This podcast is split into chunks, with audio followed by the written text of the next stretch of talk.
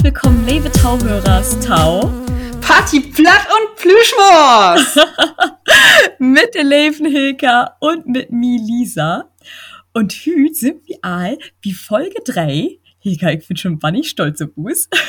Und heute geht das um das rode, wundervolle Sommerthema Festivals. Ja, Festivals, die wir seit zwei Jahren auch nicht hat, ne? Mhm. Das gibt es noch, den Nostalgie-Festival. ja, der Nostalgie-Aspekt, das hat ja auch schon mal was gerotet. Bloß, mm.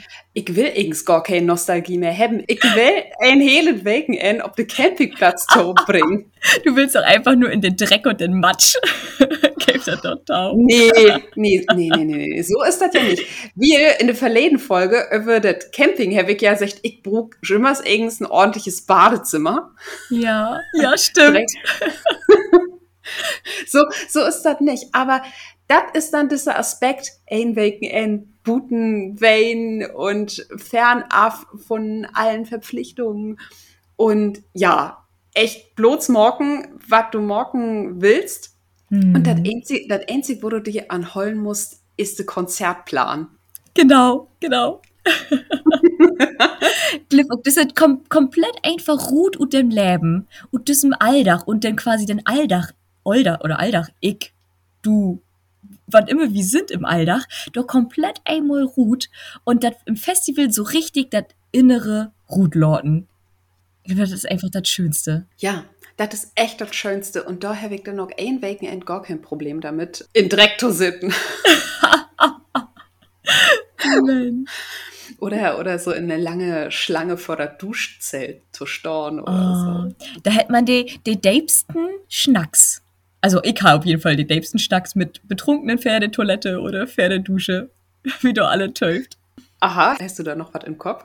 Komm mal überlegen. Ich habe ich hab den AIM Festival, mit dem habe ich nicht schnackt, aber der hat äh, versucht, über die Dixie-Toiletten zu diven. Und gerade in dem Moment er, er hat sich wirklich bannig für Murray gegeben, das muss ich sagen. Und hey, ist so da übersprungen. Und im letzten Moment hat der letzte Dixie genau in dem Moment die Tür ummockt, als hey auf dem Dach war. Und dann geht die ganze Stabilität von dem Dixie ja. Also das knickt dann hoben, weil das nicht mehr stabil ist. den Rest, den Rest äh, ich die Kopf und den Tauhörern. oh nee. Oh, der oh. war herrlich. Ja, oh, da, da sind wir auch gleich bei meinem nächsten Thema und bedienen ja eigens auch. Toiletten! Ja, ja, ja. das Geruchszelt. oh. Das, glaube ich, all prägt in der verleden Folge auch. Das Geruchszelt auf Festival. Absolut. Vielleicht kennst du das auch. Das gibt ja solch und solche Festivals. Und viele, viele Festivals, die ich kenne, nicht alles, aber viele, die haben dann eben Zelte, wo dann auch Konzerte binnen sind. So das ja. Hurricane zum Beispiel. Oh, White Stage, ja. Ja, ja. Hm. Oder in Bremen hier, das Festival an der Weser. Wo hätten das? Oh, ich als olle Bremerin weet das nun nicht. Ich, da kann ich ihm leider nicht mithelfen. Ich kenne nur Bremen Ole. Aber Bremen meinst du nicht? Nee. Oh, das ist nur peinlich. Mi, oh, Leve Bremer, das deit mir echt leid. Wo hätten das das Festival? Festival. Meinst du Omas Diek? Nee, das gibt das auch nicht mehr. Oh. Okay. Nee, das gibt, der hat, glaube ich, Pleitemarkt oder so. Fallt mir wieder in. Von mhm, der mhm. Festival. Ähm, Schniedviren. Nee, ich, oh, ich waitet, ich waitet, das Festival in Bremen heißt Breminale. Breminale, okay, habe ich noch nie von gehört. Das ist kostenlos. Und da ist direkt an Diek, an Osterdiek, sind da viele, viele Zirkuszelte abgebaut. Und da sind dann kostenlos Konzerte. Ah, oh, das ist wundervoll. Also das kann ich echt empfehlen. Die Breminale in Bremen ist echt herrlich. Ja, aber Zirkuszelte, großartig und von Hurricane, Hurricane, ja, kenne ich das auch. Hast du irgendwas gewusst, dass das Hurricane mal in Müllwaage gemacht hat in das Jahr 2000 und Fairtime? Nee. Da ist dann Ruth kommen, Elk Besöker von das Festival, hat 15 Kilo Müll produziert. Oh, überleg dir mal, 15 Kilo. Ich versuche halt gerade mal mit irgendwas zu verglicken, weil ich so mit mir rumschleppen da. 15 Kilo, das ist mein Backpack. Das ist richtig viel. Ich kann mir das gar nicht vorstellen, wie wenn ich nur ein Festival feuer, dann hast du ja so den Müllsackpfand Hm. und du kriegst es so 5 Euro oder wo fehlt das, ist ja bloß zurück, wenn du einen vollen Müllsack abgibst. Ja. Und ich krieg den immer nicht voll. Wow. Also wie, wie mockt das dann so, wenn wir us Müllsäcke nicht, nicht voll kriegt, dass wie quasi Müll von anderen klaut? Müllmafia, sag ich doch nur. Der Müllmann. ja, nee, ich krieg das Jimmers gar nicht voll, weil, ja, okay, du hast vielleicht Dosen, Dosenbär dabei, aber so viel ist das dann auch nicht, weil ich trinke dann auch gern mischen. Hm. Irgendwie so ein Maracuja-Saft mit, weiß ich nicht, was bin. Oh, was seid it? Was sollte, ja, was sollte für die Makens? Ja, ja, Maracuja. Maracuja galt auch Jimmers. Mit Maracuja schmeckt alles. Als ja, das ist die Universalwaffe für Schnaps, absolut. Oh, ja. Und dann, das ist dann ja so ein Tetrapack und das ist dann ja so flach. Hm. Und ich bringe nun nicht mehr so viel Toeten mit. No Festivals sieht ich Geld verdienen. Weil dann, weil dann ich dann nicht mehr Kolle Raviole hier unter Dose freten. Ja. Der Happy Wetter, die Glemperin. Ich gehe dann nur in Stand hin und köp mir ein Handbrot. Oh ja, oh, das ist das typische Festival-Äten. Handbrot-Tit. Wow. Ja. Das Ah. ist echt so Hand Handbrot und das mag die aber auch lange satt. Handbrot hat für mich das beste Preis-Leistungs-Verhältnis. Das muss hier mal echt waren. Und äh, jetzt kommt die Werbung für Handbrot. Liebe Damen und Herren, bitte bietet nächste Festival, wo Sie sind, ein Handbrot köpen. Ja, vielleicht möchte ich das auch mal sagen, äh, liebe Zuhörer, wir hätten bislang noch keine Kooperation mit Mhm. irgendwem, aber wann wie mal eine Kooperation habt, dann secht wieder Druck. Also hier ist kein versteckte Werben. Und wir sind natürlich open, besonders für Festival-Kooperation. Ja, da sind wir besonders offen für. Wir kommen gern mal vorbei. Und Festivals ist aber auch ein echt ein wichtigen Bestandteil von der deutschen Musikindustrie. In das Jahr 2017 hat Festivals 70 Prozent von das gesamte Musikmarktbudget utmarkt. Das wären fair 100 Millionen Euro. Boah, das ist ja irre. Das ist irre. 70 Prozent. Und der Rest ist eins mit, ne, Gott, CDs wird nicht mehr verkauft, aber Streaming und Konzerte. Ja, denke ich mal. Boah. Gibt ja nicht viel anders und das sind bloß Hm. 30 Prozent. Und nur mit zwei Corona-Sommern, Hm. das ist echt Harre. Ja, und auch die ganzen Dörp. Wenn ich so an das Open Flair denken da, ich will äh, 2014 einmal um Open Flair. Das ist in Eschwege in, Hessen. Und du ist das wirklich das, das ganze Derb, das Festival. Die Kindes verkauft Is und Baton Schnökern gut ihren Kinderzimmerfenstern. Oder die feiert dann mit ihren lütschen Trampeltreckern da rum und nimmt die Dine, Dine Sorgen auf. Fair, wenn nicht für 5 Euro oder so, dann betreut. Und du läuft so viel mehr von, als nur der Veranstalter. Das ist auch, glaube ich, in Wacken so. Ich bin noch nie nicht in Wacken wein, aber ich glaube, da ist auch das, das Tele Dörpen dann einmal in Jahr mit den Besöker mit mit Headbangen und verköpt dann Mhm. auch Kram und allens. Und Wacken, das ist nun sehr nix äh, näht, was ich hier vertell, aber ist ja echt das größte Heavy Metal Festival von der Welt. Und Von der Welt. Von der Welt, Wow. ja. Wow. Und ob Wacken ward auch das meiste Bier trunken. Das wundert mich wirklich nicht. Im Schnitt sind das 5,1 Liter pro Person. So zum Vergleich Rock am Ring und Rock im Park, da sind das 3,15 Liter pro Person. Und die Dütsche trinkt in Durchschnitt pro Tag eigens 0,3 Liter, also so ein Glas. Ach, krass. okay, Wacken ist Utenau Tauschstand. Aber das insgesamt weltweit größte Festival ist das Mhm. Donauinsel-Festival in Wien. Da sind, ich glaube, in das Jahr 2015 habt ihr 3,3 Millionen Lüde telt und das ist kostenlos. Wow. 3,3 Millionen Lü. Ob das Ja. ein Festival? Ja, Wahnsinn. Da habe ich noch nie was von gehört. Ich dachte jetzt, dass Tomorrowland, dass das vielleicht dann noch gerade ist. Ich glaube, nee, das ist echt das Donauinsel-Festival. Das größte Festival in Deutschland ist das Bochum Total. Mhm. Das ist auch gra gratis und da sind 600.000 Lü Wein.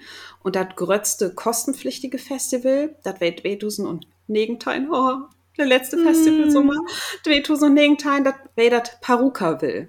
Mit, ähm, ja, das Parukaville mit Tachentichtdusen besöken. Okay, ich habe mir an Rock an Ring gedacht, das hat Das hätte bloß Sögentichtdusen. Ach, bloß.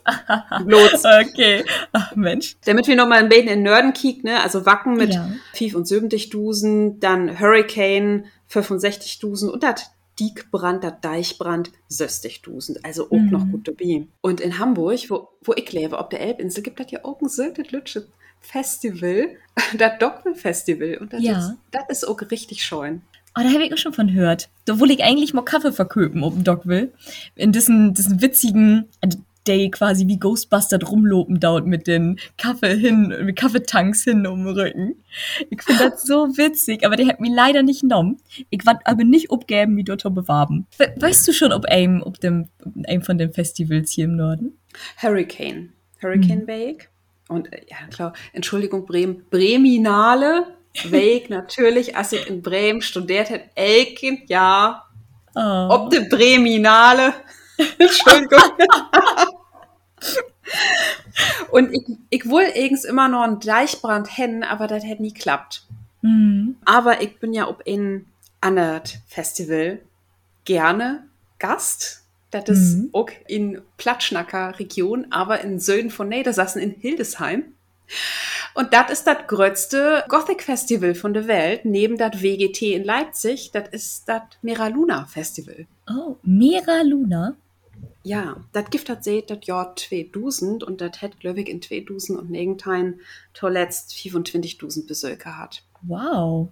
Mhm. Ist das, kann ich mir jetzt so vorstellen, dass äh, du dann morgens in dem Campingstall sitzen deist und die dann die Augen schwatt maulen deist? Direkt quasi. Nein, das Mera Luna, das ist ein sehr kultiviertes Festival. Nein, das ist echt so. Das ist echt so. Die mhm. Lü feuert da echt wegen der Musik hin und Ton schön Klederschwiesen und so weiter. Da ist mhm. nichts mit Dreck. Okay, nee, das ist Logen. Da ist auch Dreck, besonders wenn es regnet. Ja. Aber das ist alles super organisierter. Der hat da viele Waterklosetts und natürlich auch Geruchszelte. ja. Aber die Geruchszelte war zweimal an Dach aufsaugt und hier, äh, Lisa, wir habt da auch überschnackt, ihr habt da auch diese ähm, Sägespänen-Toiletten. Oh, das ist ja spannend. Das finde ich total gaut, dass der jetzt auch umdenken da und mehr so ins Green Camping geht und dann auch die Toilette anders denkt. Cool. Und ähm, also, ich bin dann morgens, wann ich fertig geduscht hat, in das oh. Duschzelt, sitze ich dann da für mein Zelt mit einem Kaffee und Frühstück und dann, dann mal ich mir nicht die Augen schwarz. ich mal mir mein Gesicht ob. Oh, oh, oh, okay, okay. War das jeden ja. Tag anders, so wie du die Vögeln deist? Ja, doch, ich versagt das. Also, ich habe mindestens Drehpaar falsche Wimpern dabei. Alter, oh, wow. so viel Hike in meinem ganzen Leben noch nicht. ich fall da nicht ob. Da sind Lüde, mm. Lüder, die sind so krass und die trägt sich dreimal an Dach um. Wahnsinn. Völlig Nähe Utfits. Ja. Was muckt du so den, den, den Zauber von Ut? Also, was, was denkst du, was ist die Magie? Der, also, warum mockt ihr das? Ich glaube, in der schwarze Szene ist das immer so, du kannst die nicht so gut leben, als du die das eigens in den harten wünschst. Wenn du das in den Alltag morgst, warst du jimmers komisch ankiegt oder de Lü fotografiert die so die zu mm. fragen. Und das ist mal witzig, aber das kannst du nicht elken Dach gut holen. Mm. Und dann hast du, ob diese Festivals ein, zwei, dreimal im Jahr äh, die Gelegenheit, dann auch wirklich die so zu wiesen, als du die füllst. Mm. Und in Waken in langen Waken bist du echt unter Lü, die, die verstoht. Ja, ja, der Glicks denkt, okay, Ja, und Mira Luna, das ist, ich mache so viel Werben dafür, aber ich bin nicht gesponsert. äh, lebe FCK Scorpio. das ist aber ein echt friedliches Festival. Sogar die Security-Lü sind echt nett und hilfsbereit. Und da die helfen. Und die Lü, die sind echt da, um Norde Konzerte hinzugehen. und wenn du dann so, als ich das vielleicht doch auch mal gern morgen beten länger schlob und dann sitze ich da noch so ein beten drömelig ob mein Campingstuhl und äh, ja, glöh dann vielleicht auch für, dann fallst du all negativ ab. Ach, krass. ja. Krass. Wenn ich so da, so vom Helene Beach, da kenne ich schon welche, die einfach nur um Camp versackt sind. Ich glaube, sie haben keine Band. Weil Düret Camping, aber ich glaube, die haben auch Leben dort. Giftet da auch. Und das sind dann auch Schimmers, Delü, die dann er Camp direkt im Mang dann so an de, an de Wege hat, oder? Und dem mockt ja. dann da so ein riesen Partyzelt. Schön. Aber das Miraluna ist ja auch eigens ein Lütschet-Festival. So als das WGT auch, auch wenn das die beiden, die zwei größten Grufti-Festivals von der Welt sind. Und wie habt ihr in Deutschland? Mhm. Vielleicht denken wir aber noch mal ein Beten wieder zurück, Lisa. Okay. Das allererste Festival. Oh. Hast du da eine Idee, das erste medienwirksame Festival? Was wäre das? Hm. Wäre das so wie Rock am Ring? Das ist schon so. Und nee, Werner. Wäre das das Werner-Festival? Oh, das wäre schön. Ja. ja. Das, das Werner-Ring-Rennen, da will ich ja übrigens auch noch mal hin. Mhm. Aber nein, Woodstock. Oh, okay. Ja, Gaut. Ja, okay. Macht Sinn. Woodstock, ja. so ein Baiten Facts am Rande, die habt da eigens 60.000 Lü erwartet. Verkörpt habt sie 180.000 Karten. nein. Und dann sind 1 Million Lü kommen. 1 Million? Ja. So, ob das Gelände ob Rob schafft, hätte das dann 500.000, aber das langt ja schon was noch. Wahnsinn. Und die Klöfter sind die Festivals von Dachen Beten Beta organisiert. Ja, ja, absolut. ja, da kannst du auch nichts mehr morgen mit so eine, mit so eine Well an Lü. Nee, da kannst du nichts mehr morgen. Da kannst du bloß die, die Toyen ob morgen, dass die Lü ja. kommt. Also nichts anderes morgen. Ich habe aber noch was richtig Scheunet gefunden. Das Roskilde Festival in ähm, Dänemark, die mhm. spenden alle ihre Gewinne an gemeinnützige Organisationen. Oh, das, das klingt ein bisschen wie die Fusion. Du hast das auch viel. Du, bist du einmal auf Fusion wählen? Nee, ich wohl Jimmers, aber das ist ja mhm. Jimmers gut verkörpt, oder? Ja, ich glaube, da muss man sich auch bewerben für, für Tickets. Oder man ah. muss äh, helfen oder halt was stellen. Aber das ist große Klasse, gerade wenn von den Festivals dann Spenden dauert am Bad Gaut. ich muss sagen, mit diesen Ständen auf Festivals, da bin ich immer heil affin. Ich war ähm, 2013 weg um die Brand. Und ja, vielleicht habe ich ein Band betrunken, oder bei der ich noch getrunken habe. Und äh, wie trägt dann diese Greenpeace-Stände oder BUND oder ach, was das alles für Verdehre und Umwelt geben deit, die trägt mich wirklich wie so ein Magnet an. Und dann wäre ich wo, dann habt ihr, habt ihr mir halt erst mal eine Greenpeace-Mitgliedschaft verkauft oder auf jeden Fall habe ich da noch Briefe von den kriegen. Und ich bin Baumpatin worden. Also ich habe quasi ein Boom im Spessart als Paten gekriegt. ich habe auch noch die genauen Koordinaten von meinem Boom. Ich, würde sagen, ich bin eine sehr schlechte Tante. Ich habe noch nicht Amo besorgt oder irgendwas schickt. Aber ich bin, sie sieht 2000 Dörrtime bin ich Baumpatin worden. äh, aber das ist auch so ein Phänomen, das kenne ich auch von Festivals. Äh, sagt wie das mal auf Englisch? Drunk Shopping. Oh, yes. Du hast uns nur den Beläven damit vertellt. Ja, ich kenne das auch, mm. dass ich dann eigens mit eine Tasche mit Kledersch hinfeuer und dann folgt ruhig mit noch mehr Kledersch. Also sind, sind das wie diese wirklich Kledersch, die du den Köpen deist?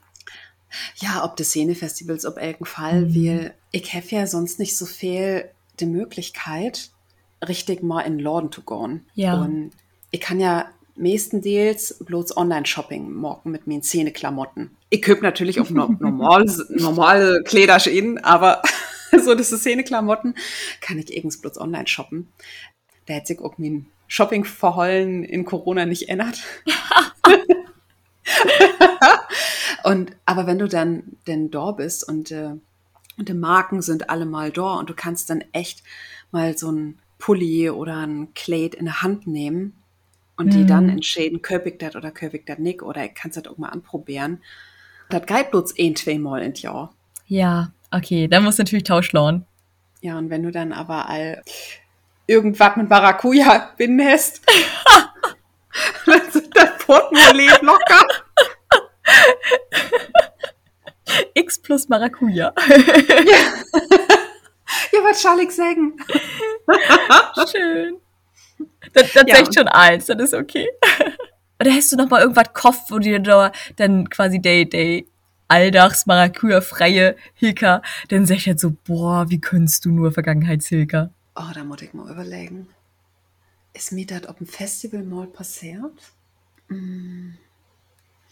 Nee, so nicht. Aber was mir mal passiert ist, ich habe ein wunderschönes Kleid gehabt und da habe ich nicht so genau hinkickt, ob der der Reißverschluss, ob der in Mhm. Ordnung ist. Und als ich das dann zu Hus wieder antrocken habe, dann ist der Reißverschluss gut rissen. Nein, oh, okay, Ja. das ist richtig ärgerlich. Das ist ärgerlich, aber ähm, sonst ist mir das dann da noch nicht passiert.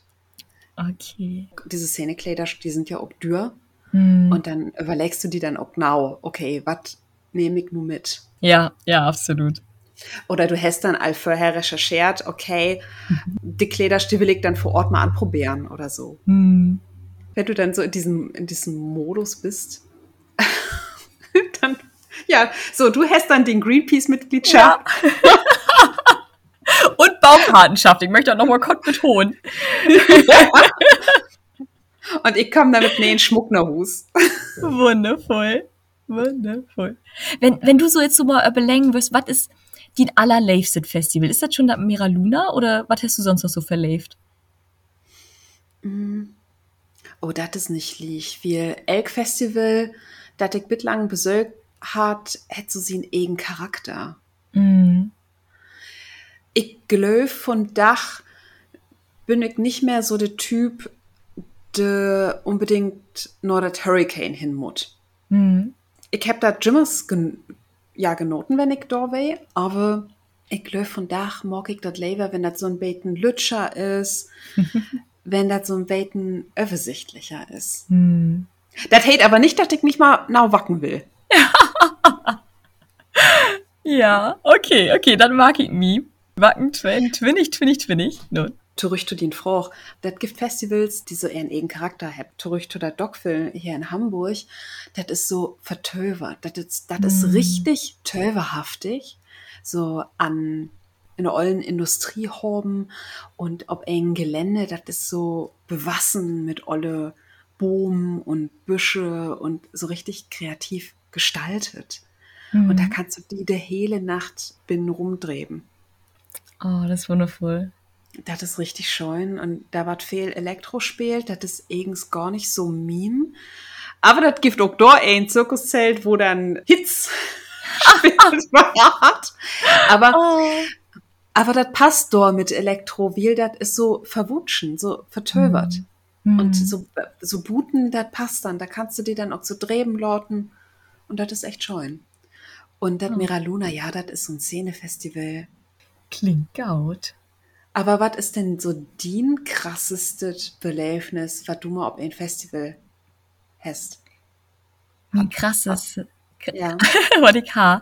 Ähm, ja. ich glaube, krass, ich, ich würde das nicht ganz krass nennen, aber ich glaube, das aller, aller, auch was du sagst, töverhafteste, weil dem Helene Beach, also ich habe auch angefangen im Norden noch mit Hurricane, Deichbrand, weil dann oben Open Flare und da habe ich Seed sein und ich bin einfach, ich, ich lebe Seed mit jeder Zelle von meinem Körper. Echt, der, der ist, ich lebe Seed einfach und jed ein Song und ich glaub immer Town DJ und wünsch mir, wenn nicht nur Let It Go, auch Seed. Und ähm, da habe ich Day Live sein. Das war wirklich in ganz grobem Umfang für mich. Aber ob dem Helene Beach Festival, secht die das was? Nee, secht mir nix. Ich denk bloß, ich stell mir die gerade vor, wie du da vor der Bühne steigst und so singst dickes B oben im Spree. Im Sommer tust du gut und im Winter tut's weh. Mama in Berlin, Stein und Benzin. Und ich sing das nicht nur, ich lave den Song mit Udruckstanz. Riechst du dann auch in der Luft so ein dickes B? Absolut. Absolut. Und äh, das, Helene Beach Festival, das ist ein Elektro- und Mainstream-Festival. Und das ist in Frankfurt-Oder, also direkt im Mang an der polnischen Grenze. Und da ist das eine ganz wundervolle Mischung und ähm, Strand, also der habt dort die Helene sehen. Das sind hellgrode Baggerseen. Und du kennst einfach wirklich, wie hat mit nur, nur wer du. Und du kannst so bei einem Seed am Strand liegen und baden gehen und direkt im Bikini dann tau de, äh, tau de Konzerte hingehen. Und allein, der habt den paar Bühnen direkt am Strand und du kannst einfach ut dem Worte kommen. Du hast, du bist noch barfaut im Sand und tanzt dann durch. Und das war für mich einfach ein von den wundervollsten Belebnissen ob ein Festival, ich mich so frei feilt hab. Das war, ja, ich war so im Moment, ich war so im Leben, das ist einfach nur wundervoll. Also, falls ihr Helene Beach Festival noch nicht kennt und wirklich, jetzt ist es wirklich Elektro, Goa ist Open Batendor und Mainstream, kann ich das echt nur empfehlen. Und ansonsten ist in MV, also in, in Mecklenburg-Vorpommern, ist auch noch ein ganz, ganz lütschet Säutet Festival. Das ist auch genau das, was du auch hast, Hilka. Ich mach diese Lütschen Festivals auch ganz gern. Also, ja, Grot ist nett und da kommt dann grob Mhm. bekannte Bands. Ähm, aber diese Lütschen sind irgendwie ein bisschen kommodiger. Also du, du lernst die Nachbarn kennen, aber du lernst auch noch ein paar mehr Lü kennen und dräbst ihn auch noch mal Wette. Und dann, Ja, man ist, man, man ist doch nicht so verloren. ja, ja, genau. Und wie dem Simsalabum, das ist wirklich im Nix von MV. Also, ein hätte doch nicht mal ähm, Handyempfang, was auch mal ganz nett ist. Du, also, ein ist wirklich, hast du einen verloren, findest du ihn entweder nie wette, weil du ihn nicht erreichen kannst, oder, naja, findest halt neue Freunde. Und das ist ein Goa Techno Festival, was wirklich total besünnes, lebevoll und künstlerisch obtorgen wat. Und dann sind die, die Bühnen, gerade die, die Goa-Bühne, ist wirklich wie so ein verwunschenen Urwald. Und du tanzt dann in dem Himmel in diesem verwunschenen Urwald und Deko um die herum. Und ganz, ganz besünde Lü. Die, auch genau da, was du auch schon sagtest mit dem Mira Luna, die könnt einfach an düsse Tiet und an düssem Ort heilen sie Sülm werden. Und das Mhm. ist so schön, diese Menschen so glücklich sein. Ja, und man lernt natürlich so coole Menschen auch irgendwo kennen. Ich bin da auf dem Simsalabum auch viel allein rumlopen, weil ich mag hab, wie unglaublich gern ich das morgen dau. Ja, das geht mir auch so, ähm, dann hier ob der Dockville. Da bin ich Mhm. auch gern allein unterwegs. Ähm, der Dockville Festival, das hat auch noch so Einzeldach-Festivals, zum Beispiel den Vogelball. Mhm. Das ist auch mega cool. Da kommst du dann hin und ja, die Lü sind verklebt als Vögel Töverders und du kannst dir dann auch gratis Federn und Glitter ankleben, Lorten. Oh, ja, das gäbe da wie Helene Ja. Beach auch, da das dann äh, Glitter in die Fresse. Nämlich. Das ist richtig scheun. Bei mir ist das so, ich habe ja auch noch eng Absieds von Wacken. ich bin noch nie nicht, ob das Wave Gothic Dräpen wesen. Noch nie. Und das ist Oh. echt, ist echt eigens ein Verbrechen. Und eigens habe ich das Schenk gekriegt für zwei Jahre, dass ich Mhm. da hinfeuern kann. Ja, und dann käme Corona, mit wir nicht wieder Mhm. überschnacken. Aber da will ich noch mal hin, will ich löf so eine hele Stadt. Ähm, als Festival ist noch mal was heel besonders. Gibt das bei dir ein Festival, wo du noch mal hin willst? Ja, ich würde total gern Tom Pangea Festival. Das ist auch in Mecklenburg-Vorpommern. Ich finde Rostocken beten. Mhm. Und das ist quasi ein, ein Spielplatz für Erwachsene. Also da gibt es auch Musik, ja, aber die hat noch unglaublich viele andere Angebote. Also eins, was das Kinder hat im Erwachsenenlief dann sich wünschen kann. Ja, das wäre Oh, so oh. mein Wunsch. Auch neben Wacken, ich möchte unbedingt mal Wacken verleben. Und äh, neben Wacken, was das mein Wunsch wäre, twinnig, twinnig. Oh so viele Oh Twain. Mann. Oh je, äh, Lisa, ich glaube, in der Tokom, ja, hab wir echt viel für. Wir mögen ja, noch. Ich will mit die Nordatelene Beach Festival. Aha. Ich komme Ja. mit ums WGT. Du musst mich noch inkleiden. Oh, das war dann aber ein Videopodcast. Das war ein Vlog. Video. Ja. Ja, da Schrie, schrieb du das gerne, Leben? Möchte ich auch gern sein. Und was sind so die Festivals, ob die Skischau freien dort? Vielleicht habt ihr ja auch ein Festivals, wo G sagt, oh, Lisa Hilker, da Mhm. möchte ich mal vorbeikommen. Wir kommen vorbei. Als Plattreporter. Ja. Wie kommt als Blattreporter vorbei? Nur habt wie aber so viel über Festivals schnackt, aber noch gar nicht richtig über Musik, Lisa. Mhm. Schall ich die mal einen Song anstimmen? Möchtest du über Musik schnacken?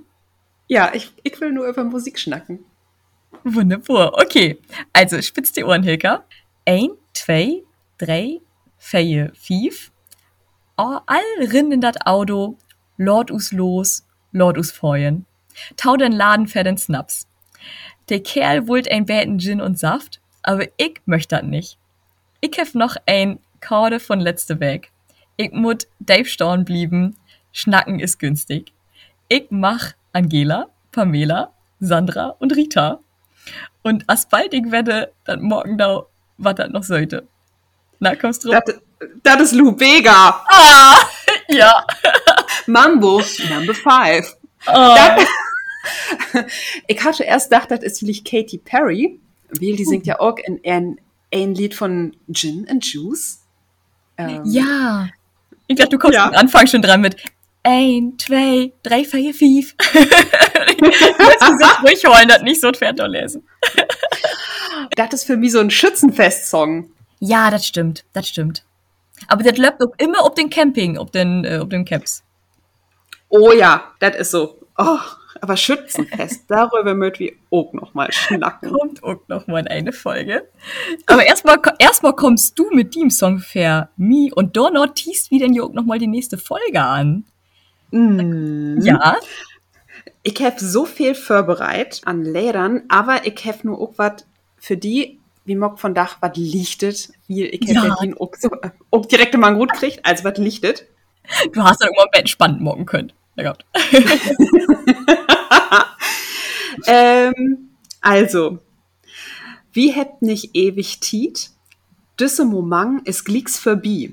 Lad los, lad los, lad los. Komm all, give me düsse Dance, leg die Hand in min Hand, lord de Musik an, lord de Musik an. Ja. Ähm, wenn ich jetzt auf den Sänger komme, ciao.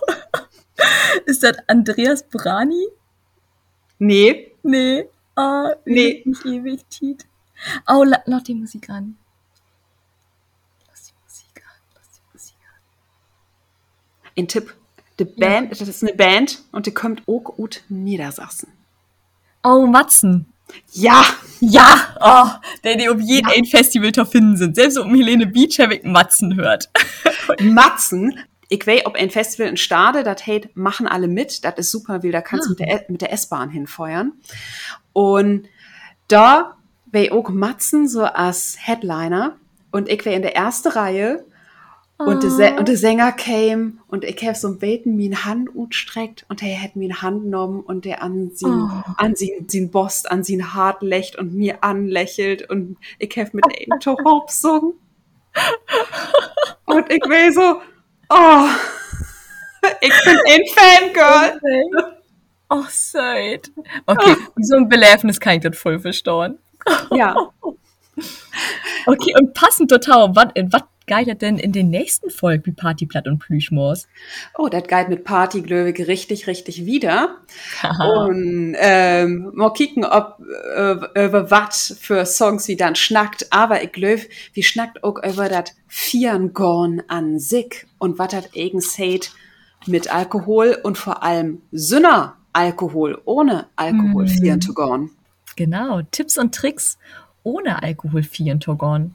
Wie freut uns, wenn G uns aber nur vielleicht noch mal schrieft, wat Festivals, wie vielleicht auch mal rüberkommen schön.